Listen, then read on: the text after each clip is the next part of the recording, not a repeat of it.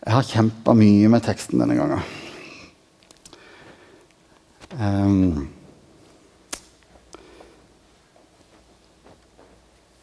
på et punkt så begynte jeg på en ny tale istedenfor. Fordi, fordi at dette Oi, oi, oi. Men uh, Takk, Magne. Du har bekrefta at jeg er på rett spor, så det er greit. Mm. Dere, vi holder på med apostlenes gjerninger.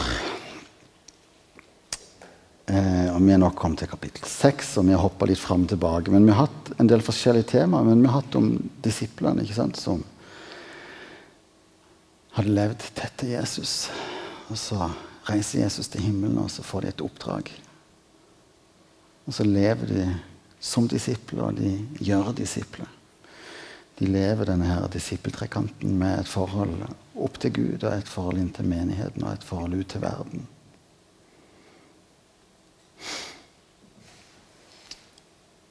Som jeg har hatt om givertjeneste, om det rause livet som Gud har for oss. De utfordringene som det gir oss. Vi har hatt om helbredelse. Hvordan Gud helbreder da, men òg at han helbreder i dag. Og Sist søndag så snakket Gunhild og Beate om å lytte til Gud og være lydig på det som Gud har for oss. Utrolig mye spennende tema, og òg ganske mange utfordrende tema. Det er sånn jeg tenkte at Vi står i fare for å skremme vekk alle som kommer her.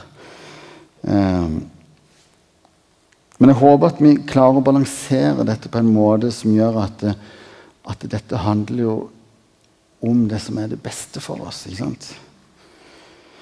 Det livet som Gud har kalt oss til, er det beste for oss. Eh, det står i Jeremia 29 at For jeg vet hvilke tanker jeg har med dere, sier Herren. Fredstanker og ikke ulykkestanker. Jeg vil gi dere fremtid og håp. Og vi er i det spennet, det som Henrik talte om, med at vi er en del av Guds rike her og nå. Men, men, vi, er òg en del av det riket her på jord. Det endelig fullkomne himmelriket er der framme. Så vi står i det der spennet der imellom Guds rike og det jordlige riket. Eh, og det viser denne teksten her mer, eller veldig tydelig, da. Eh, vi skal ta oss og lese Herligheten, eller Jeg må rett og slett begynne å ha med brillene. Nei, å ja, her blir det mer lys. Jeg kan jeg låne linsene dine? Nei, her blir det mer lys. Vi skal lese fra Apostelens gjerninger 6. På denne tiden, da tallet på disipler stadig steg, kom de gresktalende jødene med klager mot de hebraisktalende fordi deres egne enker ble tilsidesatt ved den daglige utdelingen. De tolv kalte da sammen alle disiplene og sa det ville være galt om vi forsømte Guds ord for å gjøre tjeneste med bordene. Velg nå ut blant dere brødre sju menn som har godt ord på seg og er fylt av ånd og visdom. Dem vil vi sette til denne oppgaven så skal vi vie oss til bønnen og tjenesten ved ordet. Dette forslaget ble tatt godt imot av hele forsamlingen, og de valgte Stefanus, en mann fylt av tro og hellig ånd, og Philip, Prokoros, Nikanor, Timon, Parmenas og Nikolaus, en proselytt fra Antiokia. Disse ble ført fram for apostlene, som ba og la hendene på dem. Og Guds ord nådde stadig flere, og tallet på disipler i Jerusalem økte sterkt. Også en stor flokk av prestene ble lydige mot troen. Stefanus var full av nåde og kraft og gjorde store under og tegn blant folkene. Da sto det fram noen fra den synagogen som ble kalt synagoge for de frigitte og for kyreneerne og aleksandrinere. Sammen med jødene fra Kilikea og Asia begynte de å diskutere med Stefanus. Men de kunne ikke stå seg imot den visdom og ånd som han talte med.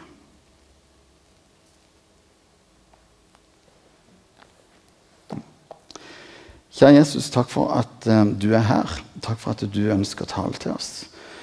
Og bare be om at du må gjøre det nå. At du rører med oss. Vær her med din ånd, og, og vær tolk inn i den enkeltes liv. Eh, og bruk det som noe du har ledet meg til, og som eh, jeg har fått å dele, Jesus.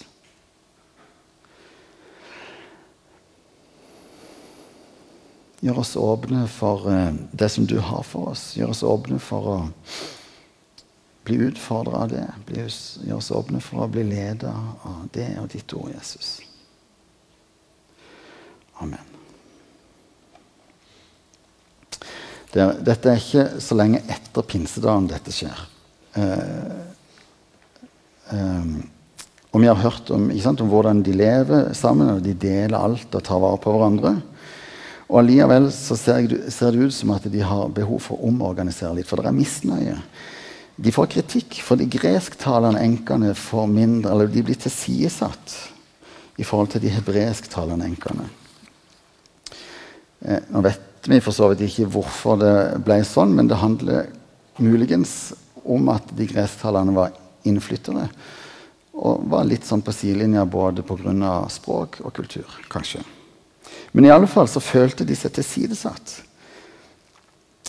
Eh, og på mange måter så syns jeg det er imponerende hvordan disiplene eh, tar grep når, når, de møter kritikk. For det er en periode hvor det er sterk vekst i menigheten.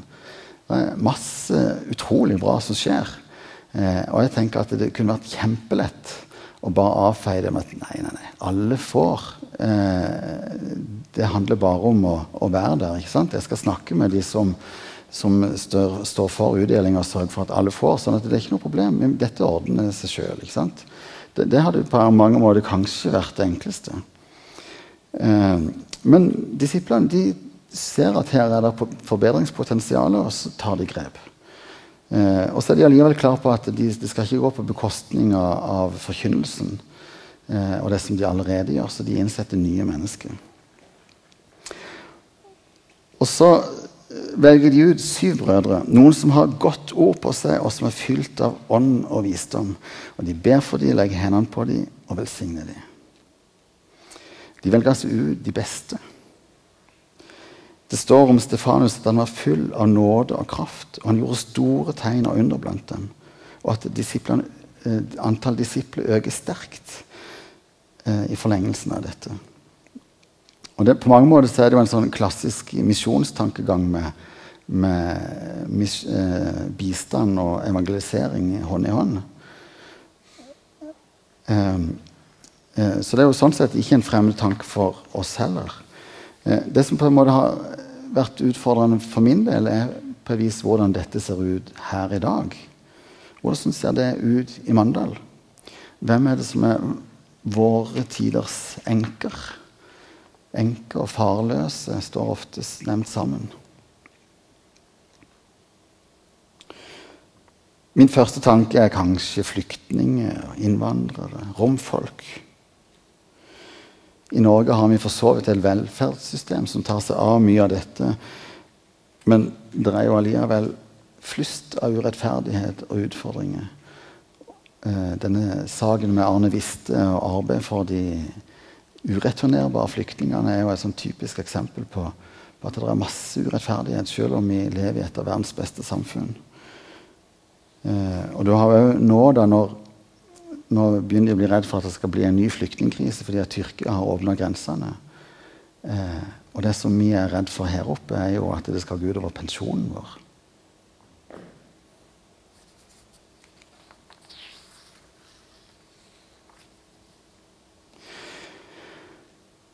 Men om vi tenker litt bredere om dette, da, så lever vi i et samfunn, selv om det kanskje verdens beste plass, det beste landet å bo i, så er det mer psykiske lidelser nå enn noen gang. Det er så mye angst og depresjon og spiseforstyrrelse.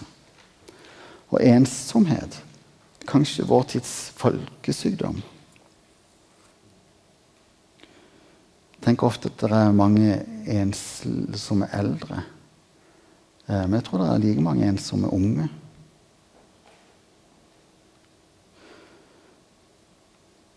Vi har det bedre materielt, og vi jobber færre timer enn noen gang, men vi har likevel aldri hatt så mange som sliter med stress og utbrenthet.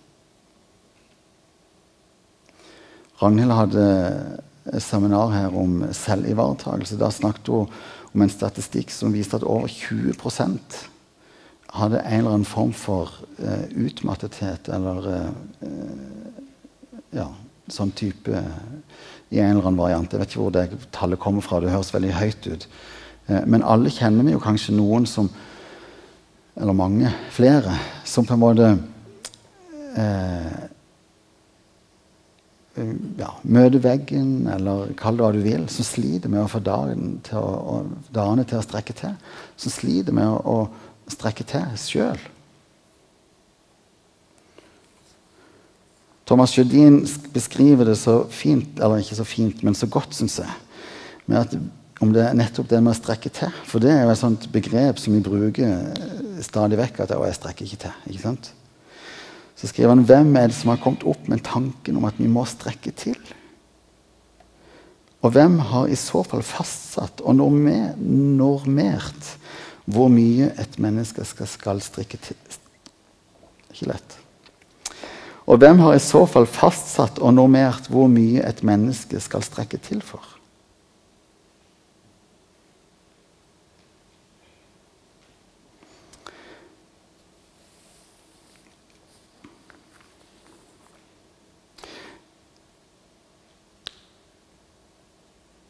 Så hvordan ser det ut i dag å ta vare på våre medmennesker?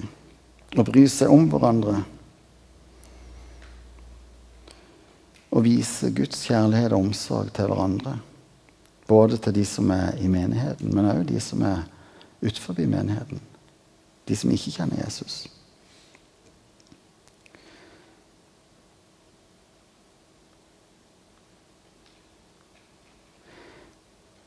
For jeg er helt sikker på at Guds kjærlighet og omsorg det er ikke bare en sånn diffus ting som vi må føle oss fram til. Guds kjærlighet den er konkret.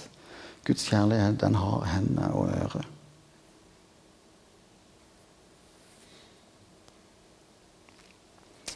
Så hvordan ser dette ut i mitt liv? Og Kanskje er du der hvor du tenker at du har mer enn nok med ditt eget liv og dine egne utfordringer. Og så kommer jeg med enda en ting som vi skal strekke oss etter. Enda noe mer som vi burde gjøre for å strekke til. Og én ting er helt sikkert at Guds kjærlighet det er noe som overgår all forstand. Og det er ikke noe som vi kan prestere. Vi er ikke som ei ketsjupflaske som du bare kan klemme på, og så kommer der ut Guds kjærlighet. Samtidig som jeg tror at av og til så oppfører vi oss akkurat som ei ketsjupflaske som er nesten tom. Og når du da presser på den, så spruter den ut sånn ketsjup i alle retninger. Litt sånn uhemma og egentlig skikkelig ukontrollert.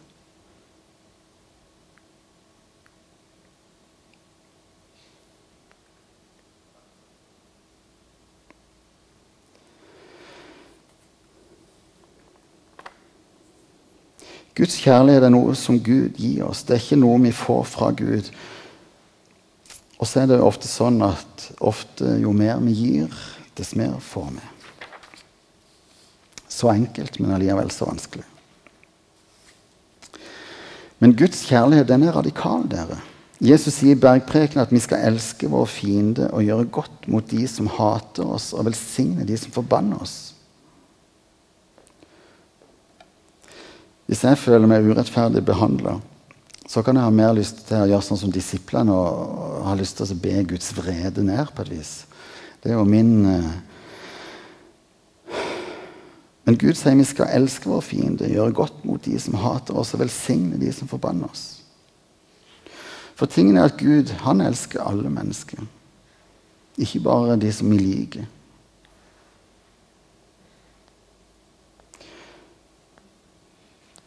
Gud han har skapt alle, og han lengter etter å omfavne alle sine barn. Og vi er kalt til å være Jesu øre og føtter og hender. Først og fremst til våre søsken i troen, men òg for de andre.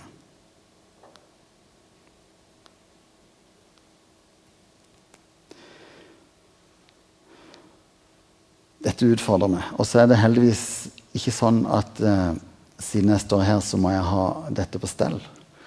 Eh, for det kan jeg på ingen måte si at jeg har. Og det, kanskje så er det derfor noe av dette har utfordra meg ganske tydelig. Fordi, fordi at jeg, jeg lurer jo litt på hvordan ser dette ut i mitt liv.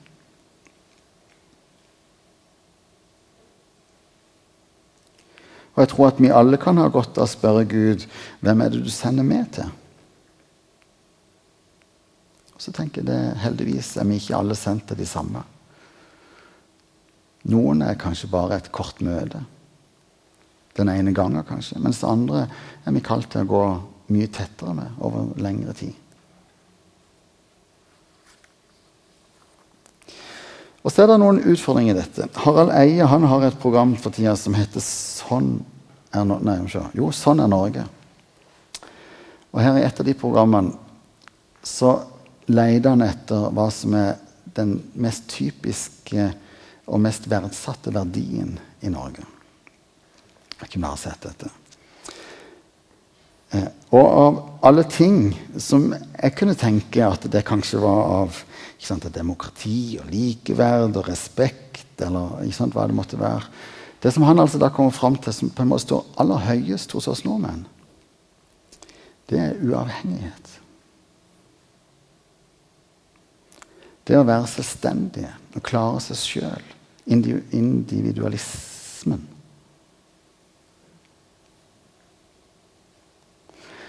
Og For så vidt så skjønner jeg jo at jo, det kan nok godt stemme. Det Det ligger ganske høyt i oss nordmenn. Vi hadde for så vidt i oss allerede fra vi er små. Eh, ungene er ganske tidlig 'Kan sjøl', sier de. Skal spise sjøl, altså kan de jo absolutt ikke. Og vi skal på så absolutt klare oss sjøl. Vi skal frigjøre oss ifra foreldre, frigjøre oss ifra alt mulig. Vi skal klare oss sjøl. For så vidt ikke noe galt i å klare seg sjøl, men det er noen baksider med dette.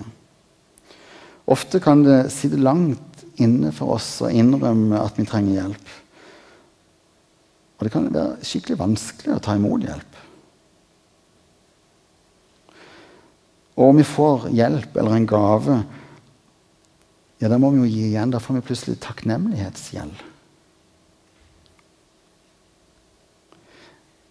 Litt sånn Ikke festlig, men, men altså, med julekort, for eksempel, Ikke sant?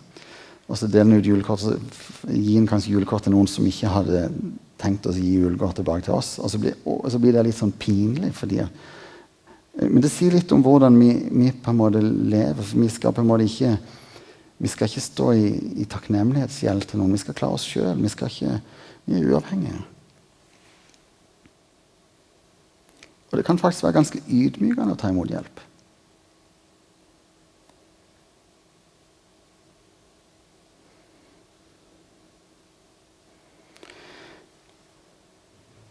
Og ofte så kan vi se at det er noen som vi tenker at og de hadde kanskje trengt litt hjelp. Og så er vi redd for å spørre, for vi er redd for at de skal bli fornærma.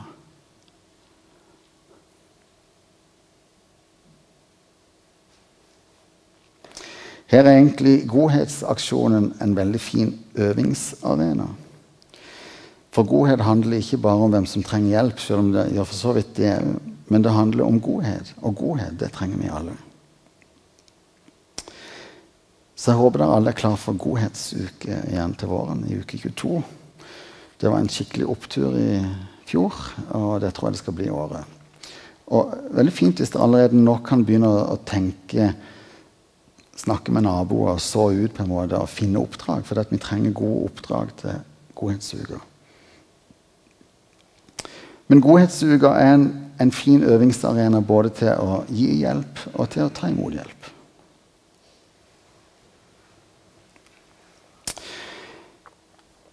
Vi, vi, skal tilbake til Stefanus. Eh, eh, for det var han som leda dette diakonale arbeidet. Han var en mann som var full av nåde og kraft. står det. Folk ble helbreda, og det skjedde utrolig mye spennende. Menigheten vokste sterkt, står det. Og For folk så var dette vanskelig å forholde seg til. De ble provosert Kanskje ble de misunnelige. Jeg vet ikke hva det var. Kanskje følte de at det, ble for mye av det gode. Jeg vet ikke. De fikk for mye oppmerksomhet. Kanskje vokste de troende, eller disiplene, for sterkt. For mange. For fort.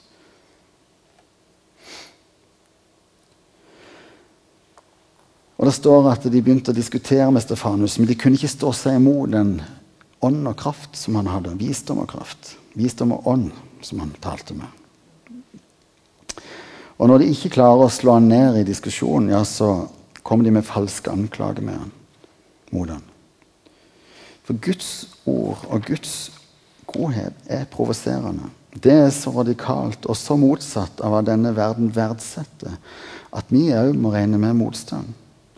Hele frelsen er motsatt av hva denne verdens tankegang. For frelsen er ikke noe som vi har gjort oss fortjent til. Det handler om å ta imot det som Gud har gjort, det som Jesus har gjort. Og det som motsatt av, av den uavhengighetskulturen og verdien som er i vårt samfunn.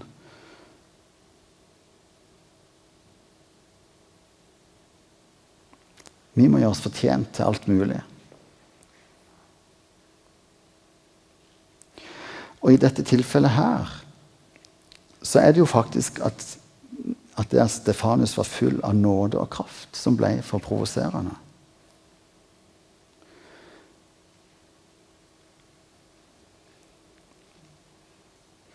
Stefanus gjorde altså ikke noe galt. Han var bare god.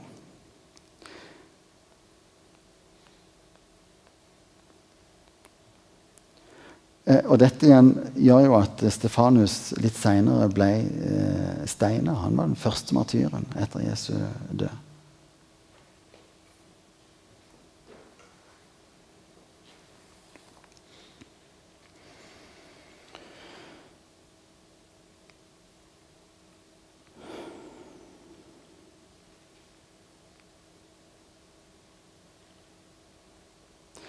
Vi kan like å tenke at vi bor i frie, kristne Norge, hvor det er full religionsfrihet og ingen forfølgelse.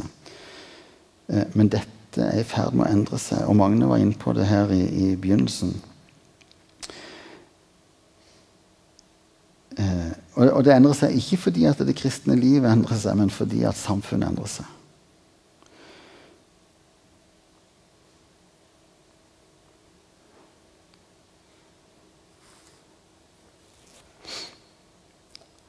Er ikke så mange tabu igjen i vårt samfunn i dag. Det aller, aller meste kan snakkes om og bli latterliggjort eller gjort til spøk. Eller, ja. Men det er én ting som jeg tenker kanskje et av de største tabuene i vårt samfunn. Det er å hevde at noe er sant. Sannheten. Den er provoserende.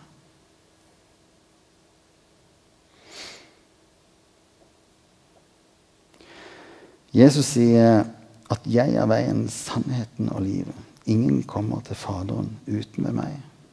Det er faktisk bare én vei til himmelen. dere.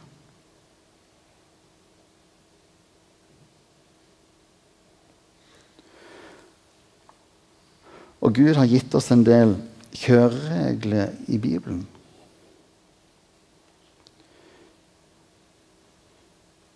Det er fordi at det er det beste for oss.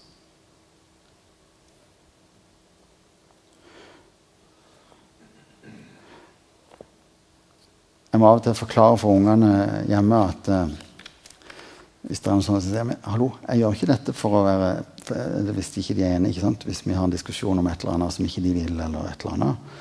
Så hallo, er det, er, dette er jo ikke for å plage det. Altså, det er jo fordi at uh, du trenger det, eller dette er det beste for deg.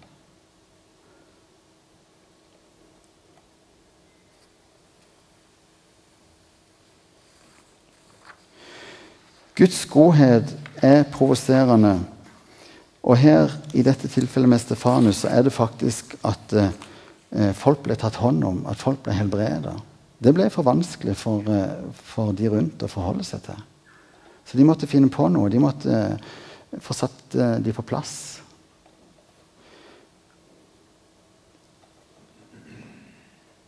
Jeg kan kjenne det sjøl, f.eks. Med, med snakk om helbredelse. Um, fortelle om helbredelse på jobb til de som ikke tror. Det, for meg så sitter det ganske langt inne. Fordi jeg vet at det blir trukket i tvil. Jeg vet at, de, eh, at det er vanskelig å tro. Guds godhet er provoserende.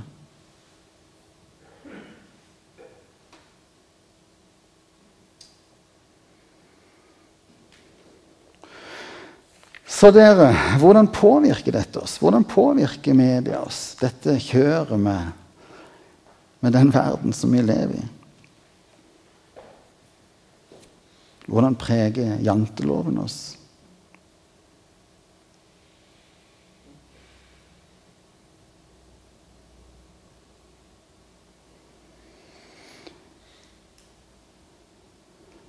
Hva gjør det med frimodigheten?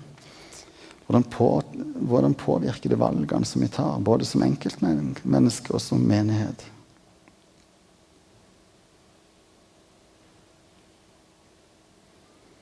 Tar vi leve det radikale disippellivet som, som disiplene levde, som vi, om i, som vi leser om i apostlenes gjerninger?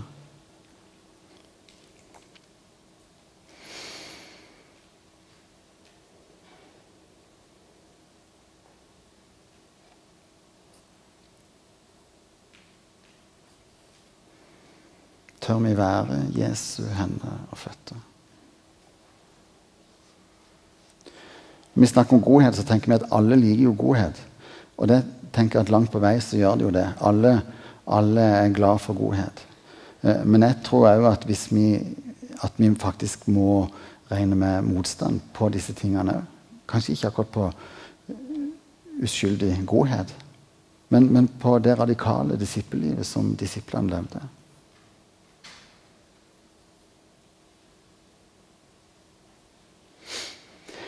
Når vi starta denne menigheten, så gikk vi lenge og drømte og spurte Gud om hva denne menigheten skulle være.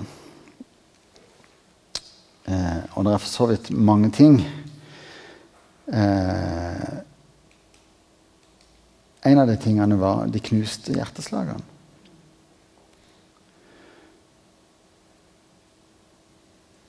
Eh, og så hadde iallfall jeg et bilde av hva de knuste hjerteslagene var.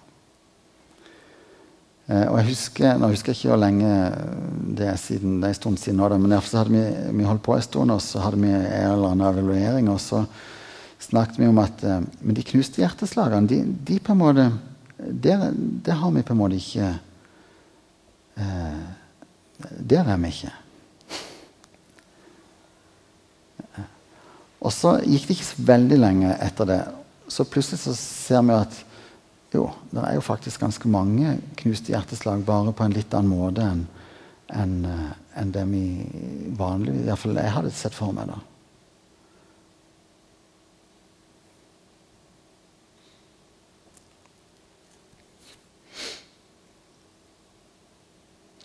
Eh, og det er jo visjonen vår, Gud gjennom oss til mennesket. Altså Det handler jo om at Gud ønsker å røre med de som er rundt oss, gjennom oss. Eh, det kan være eh, åndelige ting, altså med, med, et ord eller en oppmuntring, og sånne ting, men, men det kan òg være helt konkret fysisk.